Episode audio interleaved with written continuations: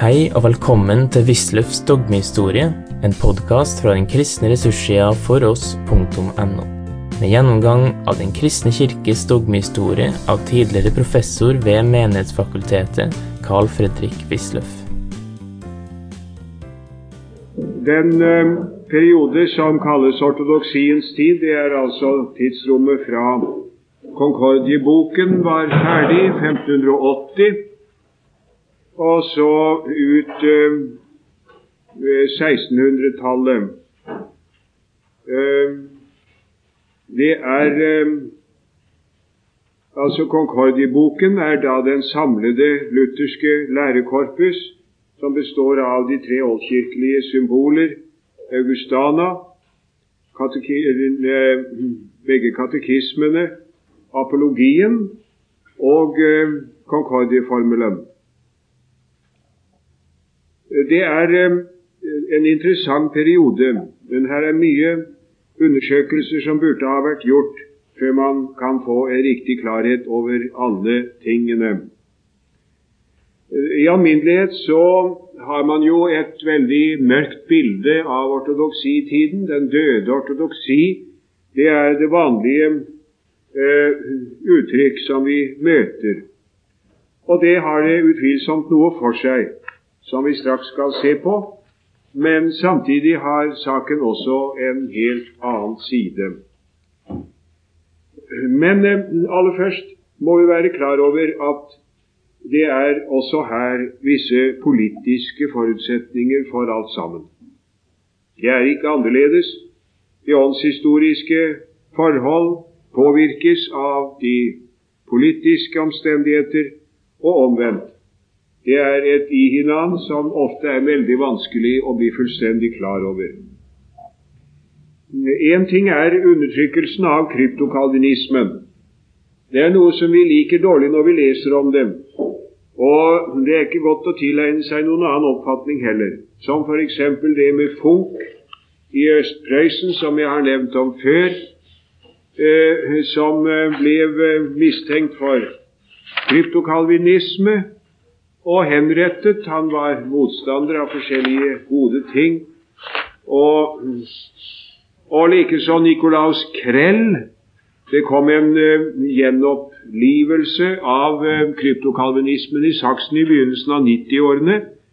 Det var en mann som het Krell, var av lav sosial herkomst, kom til å stå veldig høyt hos hos eh, kurfyrst Kristian eh, 1., og var en eh, hoven pave som ingen likte.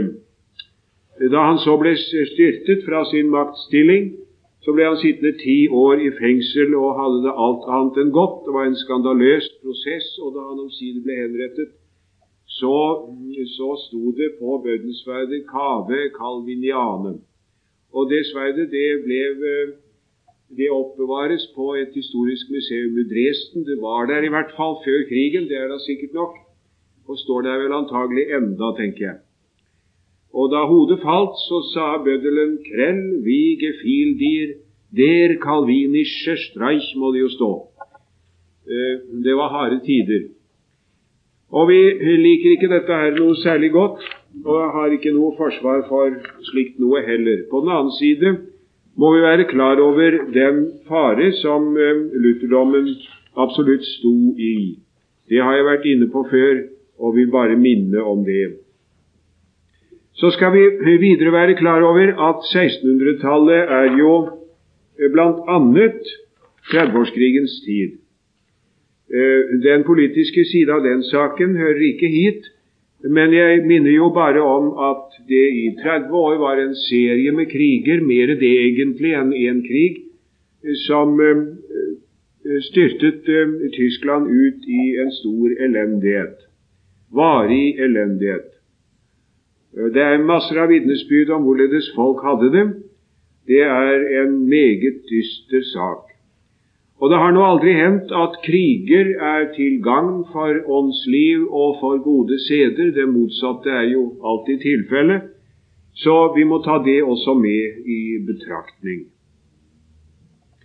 Ikke desto mindre så må vi være klar over at i denne døde tid, som det gjerne heter, så har det vært et indre kristelig liv som har levet. Det er ikke noen tvil om det. Og når vi senere skal forsøke å sette pietismen inn i åndshistorisk sammenheng og teologihistorisk sammenheng, så vil vi se nærmere på dette. Jeg nevner du bare at i virkeligheten er det ortodoksien selv som først har begynt å skape denne periodes dårlige rykte. Hvem er det som først har klaget over stridssyke blant teologene? Hvem er det som først har klaget over at man har det bare i hodet og ikke i hjertet? Er det pietistene? Er det fra Speners tid at man har begynt å klage over det? På ingen måte. Det er en jammer uten like utover hele 1600-tallet, like ifra Johan Arendt, eh, hvis eh, store verk om den sanne kristendom jo kom helt i begynnelsen av 1600-tallet. Det er en disse som klager, det er de ortodokse teologene, Johan Gerhard, som vi straks kommer til, og mange andre, som klager så jammerlig over at kristendommen nå for tiden den er bare i hodet og ikke i hjertet. Det er anklagelitteraturen som Hans Loibe har skrevet om meget inntrykksfullt. Vi skal ta det også med i betraktningen. Det oppsto en eh, slags eh, ny eh, skolastikk faktisk på luthersk mark. Man var nå opptatt av å kodifisere det som var vunnet ved den lutherske reformasjon. Og her tok man på nytt Aristoteles til hjelp. Luther kunne ikke utstå Aristoteles og satte ham helt utenfor. Luther er en av de ganske få om hvem man har inntrykk av at han ønsket kun å la seg påvirke av Den hellige skrift. Uh, han har naturligvis vært påvirket fra mange hold. Hvilket menneske har ikke det? Ikke alt er originalt vi finner hos Luther, men alt har hans åndspreg, og han er bevisst innstilt på at det er Skriften og dens tankegang som skal påvirke oss. Det var ikke riktig sånn med Melanchthon. Og ganske særlig var det Aristoteles' kunnskapslære som nå kom inn igjen. Hans begrepsmetafysikk. Hans vitenskapelige begreper som den middelalderlige skolastikk hadde brukt og utbygget videre, den kom nå inn igjen. Man ville riktignok ikke tillegge denne filosofiske begrifflichkeit noe annet enn en rent hjelpefunksjon. Fornuften skulle jo ha en usus ministerialis, ikke en usus magisterialis. Det hadde Luther allerede også sagt. Det skulle være minister, tjener, ikke magister, lærer.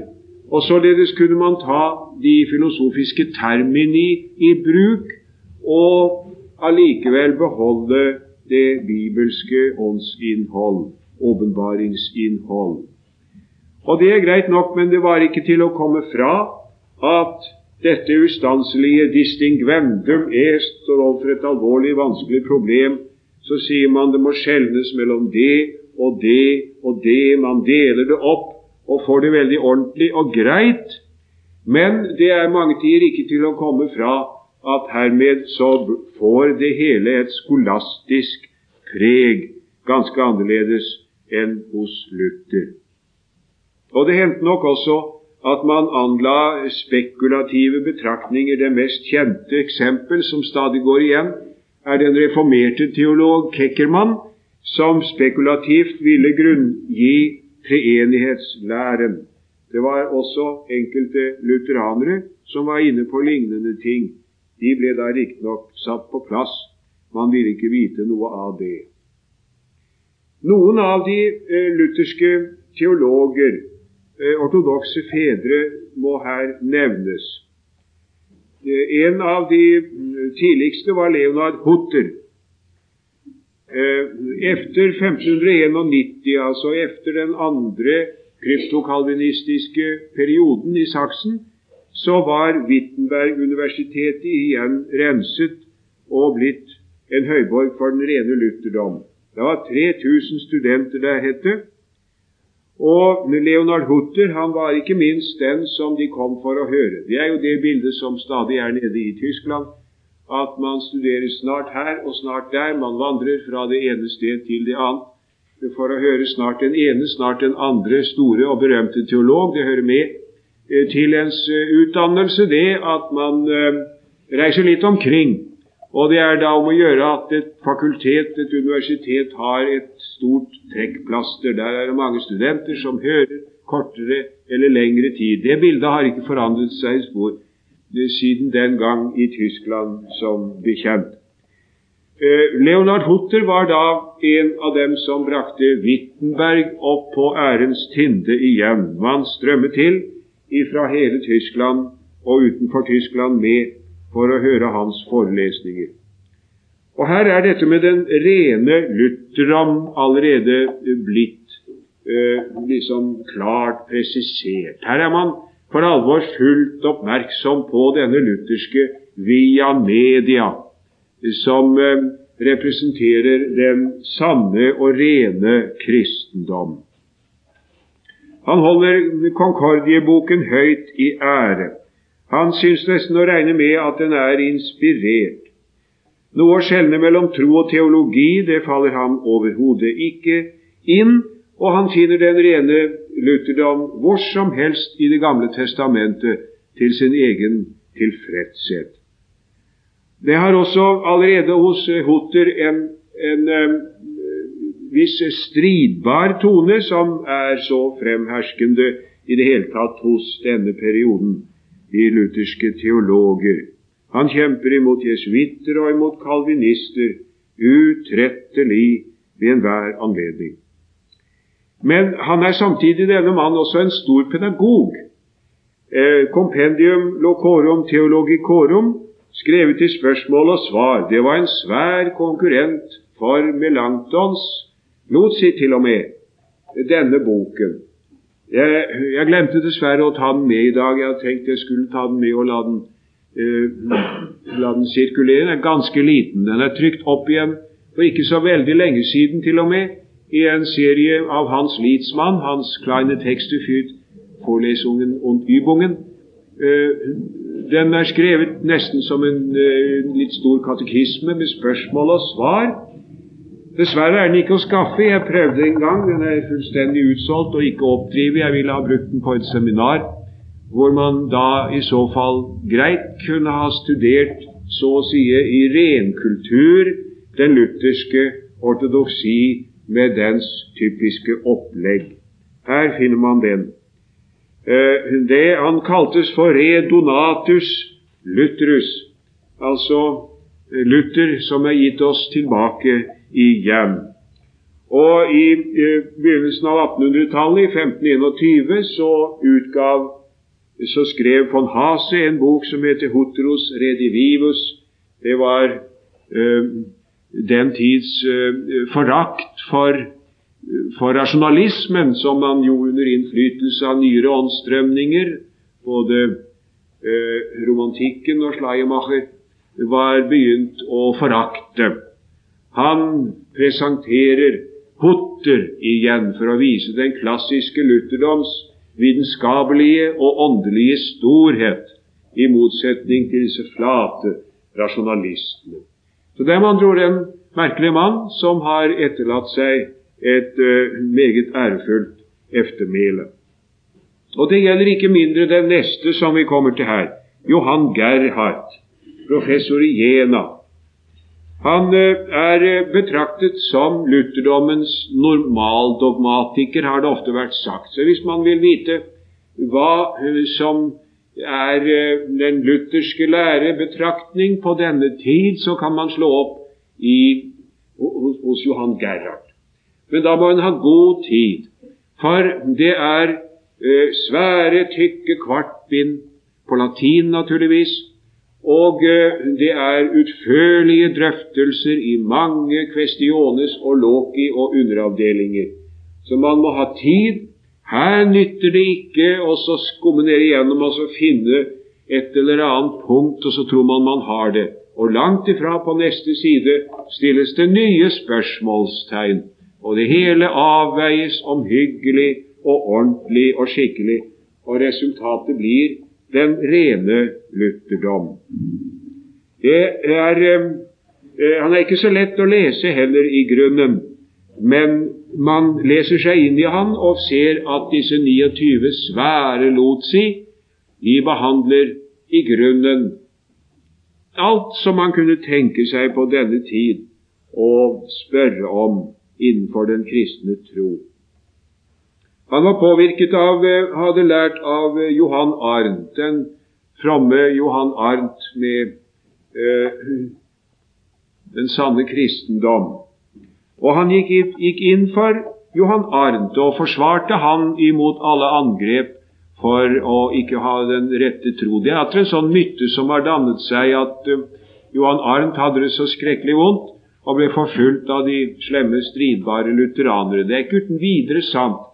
Det var noen eh, ekstreme personer som anklaget ham, og han har uh, vært utsatt for slik anklage også siden. Men de fleste forsvarte ham og blant dem Johan Gerhard. Og han ble da for den saks skyld også generalsuperintendent i Celle, som var en meget høy stilling innenfor lutherdommen på den tid, eh, altså eh, Johan Arnt, hvis betydning umulig kan overvurderes innenfor lutherdommens fromhetshistorie. Johan Gerhard ligger på samme linje, enda han er denne Eh, lærde, eh, tørre, saklige teologiske vitenskapsmann. Han har skrevet en andaktsbok, 'Meditasjones Sacrae', og der viser han seg å ha en viss eh, mystisk tone. Han siterer ikke bare Augustin, men også Tauler og Arendt.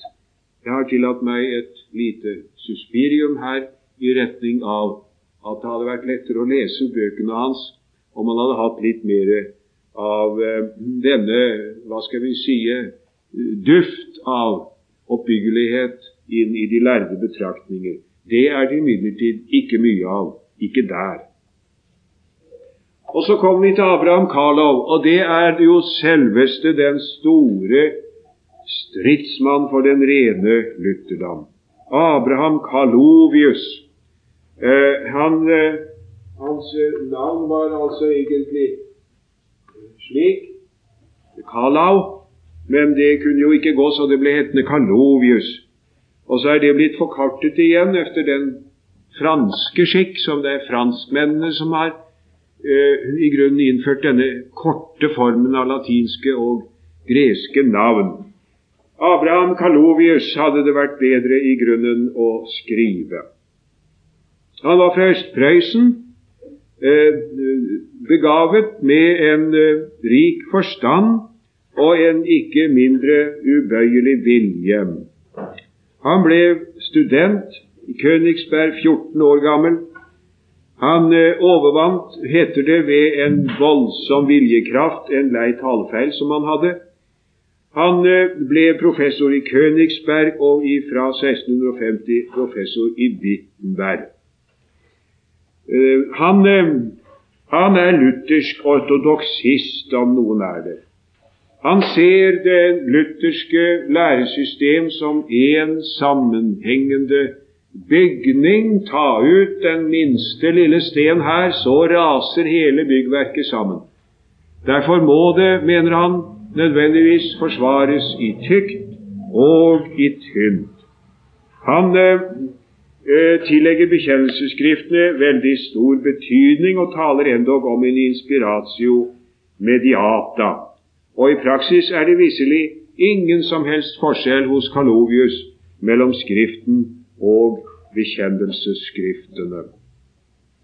Han eh, eh, var, var, helt uten mål og måte i sin polemikk, og var han eh, kommet eh, på kant med noen sånn rent teologisk, så trakk han alle konsekvenser av det og var fullt og fast og bevist om at motparten ikke ville få den evige salighet. Det kunne ingen som helst tvil være om at den fikk de ikke. Han var også i sin livsførsel i grunnen en, eh, en god, god lutheraner på den måten. Hadde man før i den katolske tid jo eh, skulle leve ugift, så inntrådte en viss reaksjon også på det punkt. Det er lutherdommen som har formet i grunnen slike gloser som gammel jomfru, som er liksom litt uh, nedsettende, og har preget, dessverre, det bildet av uh, uh, enlige personer, ugifte kvinner især, men også menn, som noe lett komisk. Og Kalovius han var seks ganger gift. Siste gangen da han giftet seg, da hadde han vært enkemann i et halvt år og var da 72 år gammel giftet seg med en 20 eh, år gammel datter av sin kollega Kvenstedt ved, eh, eh, ved universitetet i Wittenberg. Han visste ingen annen, skrev han, som kunne være ham til trøst og usvalse på hans gamle dager.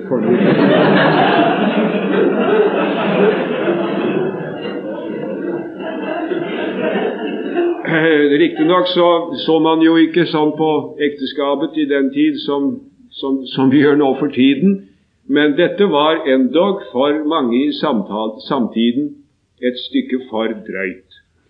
Det var det.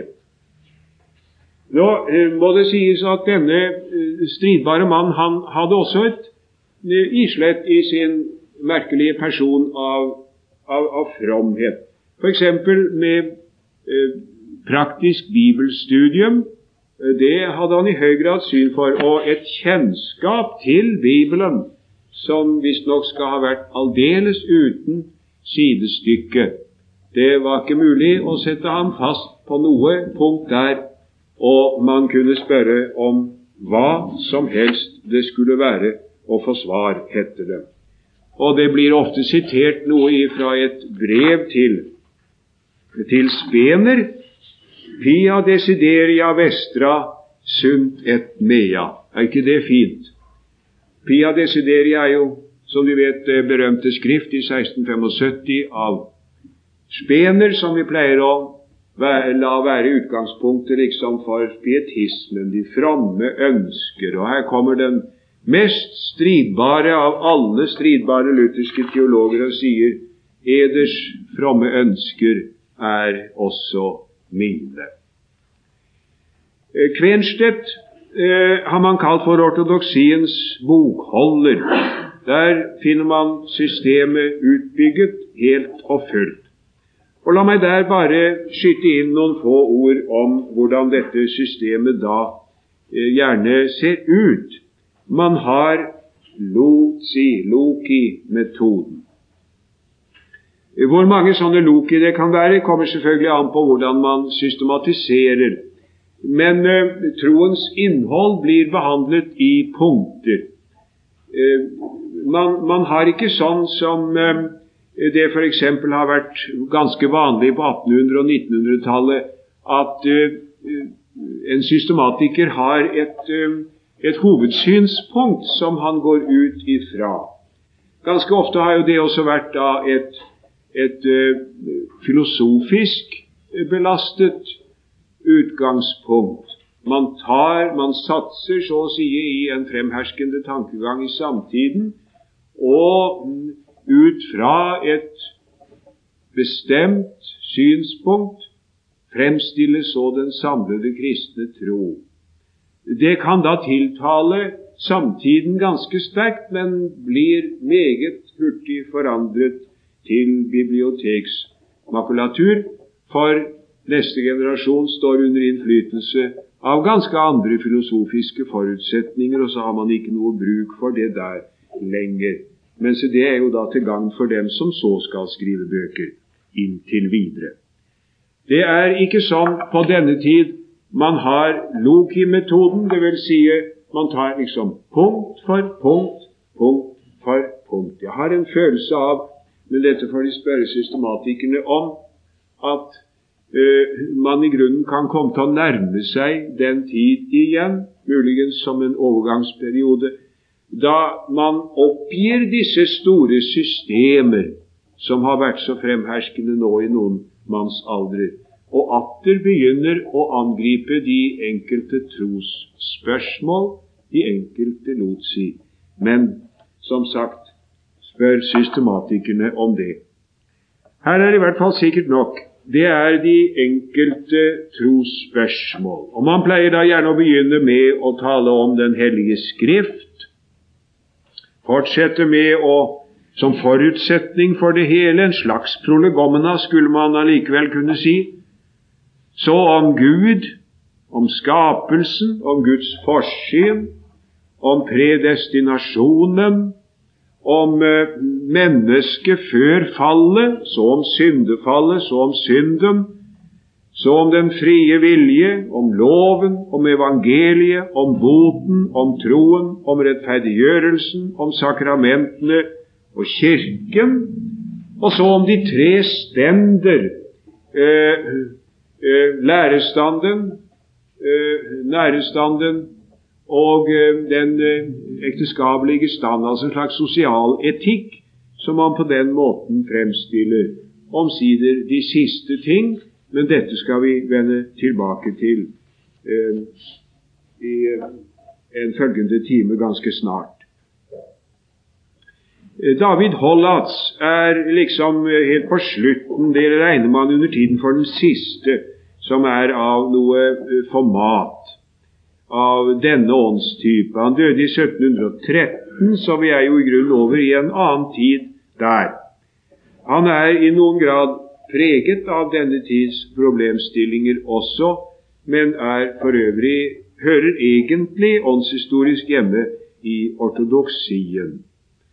Han pleier å avslutte sine lotsi med suspiria, som han kaller det, bønnesukk.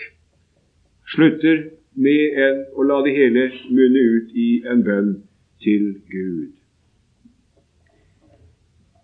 Det var nok også noen, og det må her nevnes, som var eh, mer eh, ireniske og de ga opphav til den såkalte synkretistiske strid. Blant dem må Georg Calixtus, som døde i 1656, især nevnes. Han var professor i Helmstedt og var øh, øh, Ja, man taler om Helmstedt-skolen også til dels. Synkretisme det, det oppfattet man til dels etymologisk feilaktig som avledet av synkeranemi. Synkeranemi å blande sammen. Plutark har brukt det om kreternes skikk. De kjeklet uten opphør seg imellom, men holdt alltid sammen imot fremmede. Det brukes altså nedsettende om, eh, om sammenblanding. Synkretisme er eh, sammenblanding, religionsblanding. Man taler om religionssynkretisme der hvor det ikke blir holdt skikkelig klar linje og grense mellom kristendom og andre religioner, f.eks. Man taler om synkretisme også der. Her går det på forholdet til kalvinismen. Eh, Georg Calixtus han eh, reiste mye omkring og besøkte bl.a. Eh, Genéve. Og han fikk inntrykk av at det visst måtte være kristendom også andre steder enn innenfor den lutherske kirke. Og så ville han ha samarbeid og forståelse, selv om han personlig ønsket å være lutheraner. Det samme gjelder eh, Johan Valentin André, med en grunn en enda merkeligere mann. Johan Valentin André han var sønnesønn av den eh, Jacob André som var en av forfatterne til Concordie-formelen. Eh, han, eh, han, reiste også omkring på forskjellige steder og knyttet forbindelser med eh, teologer, kirkemenn innenfor den reformerte kristenhet. Man kan tenke på en mann som eh, Pontoppidan hos oss, som det samme kan sies om eh, atskillig senere det da. Eh, han, ble, eh, han, han, var fra Würtemberg, han ble prest i Kalv, og så ble han hoffprest i Stuttgart. Der var han en virksom og varmhjertet prest, meget omtykt som predikant. Han forbedret konfirmantundervisning som de hadde der på denne tid. Under, under 30-årskrigen eh, så måtte han oppleve at hans uh, menighet ble fullstendig spredt for alle vinde, og alt brent ned der i Kalv. Det var tunge, vanskelige tider. Mange prester ga sitt liv i den tiden. Mange, mange. Uh, det foregikk jo grusomme ting. Det gjør det under alle kriger. Og det var ikke noe annerledes den tid heller. Og eh, den ene part var ikke det best bedre enn den annen. Vi vil vite hva Sveden trunk er for noe. Kokende gjødselvann som helles inn i munnen på folk, det heter Sveden trunk, så det sier jo da litt om visse lutheraneres eftermæle i Tyskland fra den tid, som de vet. Eh, så var mange, mange prester som måtte gi sitt liv i denne tiden, fordi de forsøkte å øh, beskytte, gå inn for sine menighetslemmer. Denne øh, Johan Valentin Andrea han har skrevet et skrift, dvs. Si vi tror nå at det er han som har skrevet det, som kom i 1614, og som heter Fama eh, Fraternitatis Rosa Crucis. Det var altså før 16, eh, før 30-årskrigen begynte, 1614, kom dette. Eh, ryktet om eh, Rosenkorsbroderskapet. Hva er nå det for noe rart? Ja, det har man lurt på i generasjoner. Det er et skrift som kom altså pseudonymt, og det forteller om et merkelig, hemmelig selskap som heter Rosenkreuzerne. Det er en orden som finnes alle steder. Og det har ikke noe slags ordensmerke, annet enn at de et eller annet sted har en RC som de bærer på sin drakt, slik at det ikke uten videre sees. RC, det er da altså eh, Rosea Crux, et rosekors. Eh, og eh, denne er stiftet for 200 år siden, heter det, av en tysk munk som har vandret verden om og lært bl.a. også muhammedanernes visdom. Og denne, eh, disse rosenkreuzerne de går siden inn for den sanne kristendom. De er imot unødvendige teolog teologiske stridigheter. De vil gå inn for praktisk fromhet osv. osv. Som en mystisk dom hos rosenkreuzerne. Og det ble, man kunne nesten si naturligvis, tatt rent bokstavelig. Folk, folk trodde det, at det fantes en sånn en Rosenkreutz hemmelig selskap. Og katolikker og protestanter tordnet og skrev imot rosenkreuzerne. Ingen fant noensinne et menneske som var Rosenkreuzer. Ingen har noensinne påvist at den har eksistert, men alle sa at den fantes, og alle tordnet imot den. Og der hvis det var noen som trådte litt utenfor den opptrådte sti, så fikk han gjerne høre at han var en Rosenkreuzer. Det hendte f.eks. med den fromme Holger Rosenkrantz i Danmark. Han fikk høre at han var en Rosenkreuzer. Helt bevist er det ikke, men vi tror nå helst at det er eh, Johan Valentin Andrea som har skrevet dem. Det eh, var nå meget tidlig eh, mistanke om det. Gottfried Arnold, som greier på litt av hvert. Han som har skrevet denne Unparteiische Kirchen und Ketzer-historie hvor han omvurderer så mange ting. Han sa det er Johan uh, Valentin André som har skrevet den, men også han trodde at det faktisk fantes noe som hette Rosenkreuzernes selskap. man, man, vi tror nå helst at det er hva André og da han så at denne her ikke ble forstått sånn som han gjerne ville, så tidde han still og lot folk snakke. Han har ment det som en parodi, et speil å holde opp for tiden, og så tok menneskene det bokstavelig. Så galt kan det gå. En annen bok som han i hvert fall sikkert har skrevet, det er Apap Proditus. Det er også et, liksom holdt i en ironisk stil, og det er en av grunnene til at vi kan tiltro ham denne boken om rosenkreuzerne. Apap, papa, eh, papa. Det er altså eh, paven, men det er snudd på bokstavene, det heter nå eh, apap. Og proditus, det betyr utlevert eller avslørt. Og det han skriver om der, det er det lutherske fyrstestyret av Kirken. Og det kunne han godt gjøre. For det var en bedrøvelig historie på denne tid. Hele denne lange, lange rekke av lutherske fyrster som styrte hver sitt lille eller store område eh, nokså suverent, og som herjet med Kirken også innen sitt område, det var ikke noe særlig å skryte av.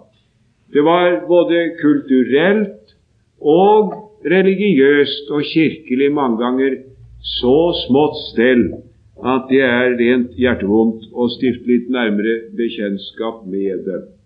De tilsatte prester og de tilsatte biskoper og de bestemte hvordan det skulle være, og hvordan det ikke skulle være, og tok slettes ikke alltid kirkelige og kristelige hensyn. Dette har Johan Valentin Andrea skrevet hardt imot. Eh, Georg Calixtus han hadde tatt frem noen tanker om eh, det som burde samle istedenfor å sprede. Han talte om en konsensus kvinkve secularis. Eh, en, eh, altså en 500 eh, års enighet. Tankegangen er at i de første 500 år så var kristendommen enig, eller klarte å bli det. Sånn har man filosofert. Det er en forestilling som har spilt en betraktelig rolle. Man, man har påvist den hos Bootser i Strasbourg, han var jo også en sånn ireniker som felt gjerne ville samle. Og Han uh, har også talt om en konsensus kvinkve secularis.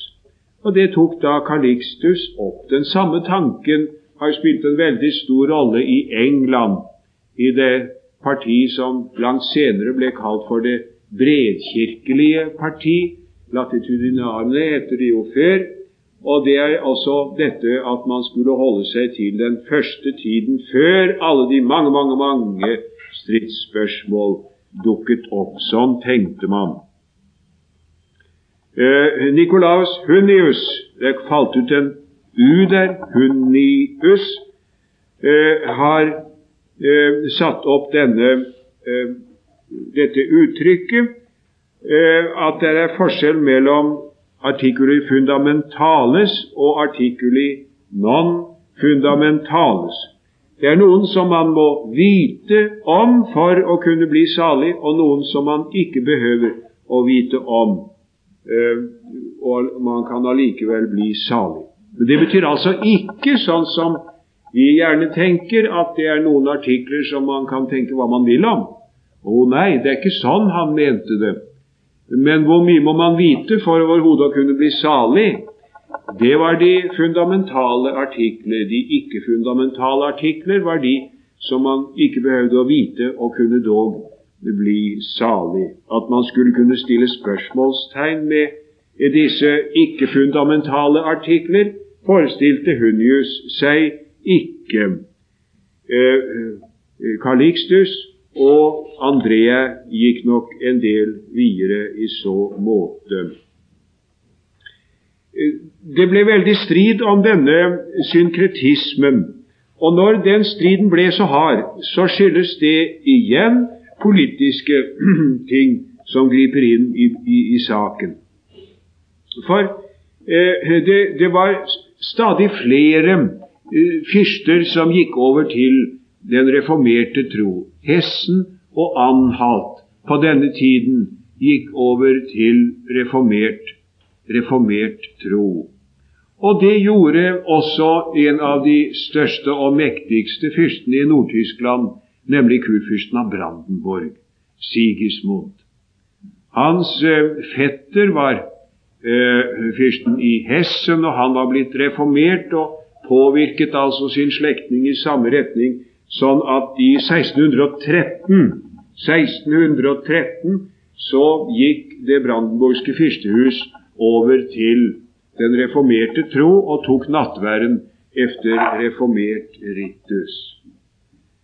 Eh, det vakte veldig protest i menighetene, som jo var lutherske. Eh, man ville, man, det ble veldig, veldig uro over det. Året etter, i 1614, så kom en eh, trosbekjennelse som heter Confessio Sigismundi. Og Der blir kalvinismen tolket svært mildt. Der blir det f.eks. tatt uttrykkelig avstand ifra den kalvinske predestinasjonslære. Det står at Hans kursfyrstelige nåde tror ikke. Den har denne form. Det er kurfyrsten som bekjenner for sine, sine undersåtter. Hans kurfyrstlige nåde tror ikke, står det, at det er noen som er forutbestemt til fortapelse. Det beroliget nok menighetene betraktelig, men ikke nok. Og han ble hurtig klar over at det ikke tale om å få alle uh, menighetene her i hans land, han hadde flere, til å gå over til uh, den reformerte tro. Det måtte han oppgi. Og så kom det et dekret året etter det igjen, eh, hvor han uttrykkelig sa at kunne, menighetene kunne forblive ved den lutherske tro etter den augsburgske bekjennelse. Men følgen av den, følgen av den ble jo to. For det første at det nå innenfor samme område endog var to religioner, som de sa den gangen. Det var både lutheranere og Eh, reformerte under samme fyrste. Og det var jo ikke meningen etter eh, religionsfreden av Augsburg i 1555, for der heter det cuius regio, eius religio. Fyrsten kunne gå over, men da måtte også undersåttene gå med. Ingen spurte dem. De kunne i høyden har lov til å utvandre i fred, og dårlig nok med freden mange ganger, det var det som de kunne. Men, eh, men ellers måtte de være sånn som fyrsten bestemte. Det er den gamle forestilling om en syntese mellom folk og kirke som er ifra den gamle tiden, det. Men her brast det. Her brast det, og den reformerte kurfyrste av Brandenborg, som var en mektig fyrste, han hadde altså hovedsakelig lutherske undersåtter. Men følgen av det igjen måtte nødvendigvis være at dette brandenborgske fyrstehus var veldig interessert i å forlike disse menneskene.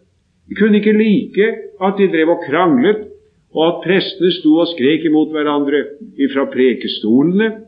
Og dermed så kommer dette merksomheter, heter den brandenburgske, senere prøysenske for det gikk jo over til å hete Prøysen siden, prøysenske eh, religionspolitikk med de forskjellige unioner. Og Det har ført til en stadig større forvirring i Tyskland. For så har man ikke bare reformerte og lutheranere, men man har også unerte. Og unerte, det er av flere slag. De er konsensusunerte, som har sin egen katekisme. De er blitt enige ute i troen. Og de har forfatningsunerte, hvor de ikke er enige i troen, men bare i kirkeordningen. Sånn at den katekismen som kan brukes på ene, det ene sted, kan ikke brukes på det annet sted, for der er det en union av en annen karakter. Hele denne utvikling har ført Tyskland opp i en veldig oppsplittethet eh, i, i, i, årenes løp. Vi må ha denne bakgrunnen klar, så forstår vi allikevel, mener jeg, litt bedre disse stridbare lutheranerne som sa nei, aldri i verden, vi skal dø heller enn vi vil opp i dette som de syns var det rene rot. De, vi kan finne dem stridbare, og de var det utvilsomt. Vi kan si de gikk over streken, og det gjorde de ofte. Men samtidig må vi historisk sett innrømme at de bevarte noe også. De bevarte tross alt den lutherske kirke intakt, for så vidt som den overhodet ble bevart. Uten denne kampen spørs det hvordan det hadde gått i så måte. Du har nå hørt Wisløffs dogmehistorie. Finn flere ressurser og vær gjerne med å støtte oss på foross.no. Følg også gjerne noen av våre andre podkaster, f.eks. Table Talks.